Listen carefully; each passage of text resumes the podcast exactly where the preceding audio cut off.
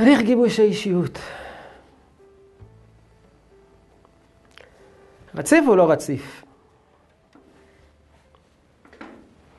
הולך, מתפתח, בונה קומה אחר קומה בצורה מסודרת, גרף, בקו ישר,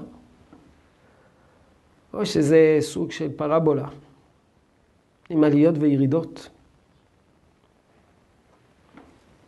מתקדם שני צעדים ונסוג אחורה שני צעדים ולעיתים שלושה צעדים.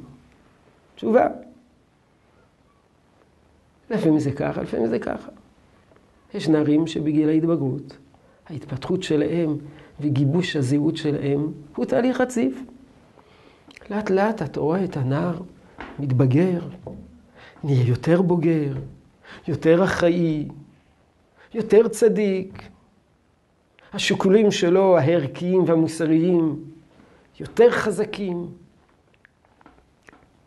לאט לאט נהיה בן אדם, במובן החיובי, עם כל המידות הטובות. ולפעמים התהליך הוא בלתי רציף. הנער מתבגר ונסוג אחורה, ומתבגר ונסוג אחורה. כבר דיברנו על כך. וזה מתעתע את ההורים.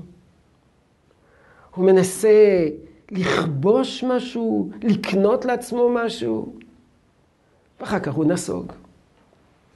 הוא מתנשא בכל מיני התנסויות.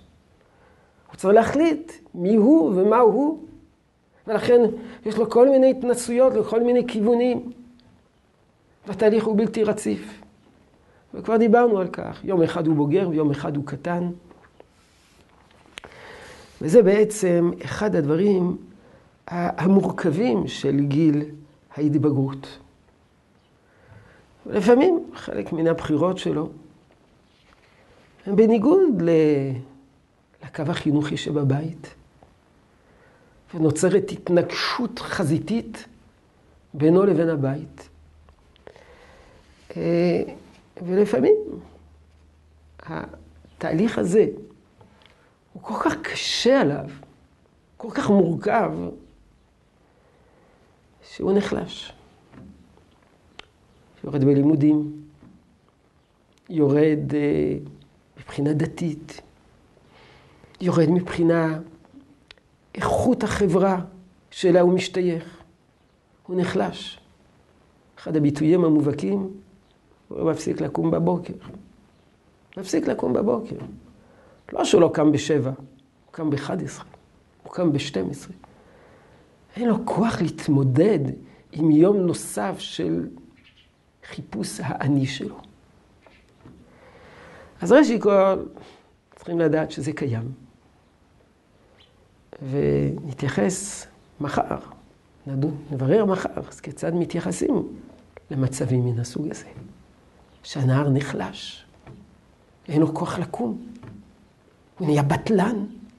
דווקא בגיל ההתבגרות נהיה בטלן. בעזרת השם, ברגע החינוך הבא. יהי רצון שתשרה ברכה בעבודתנו החינוכית. שלום שלום.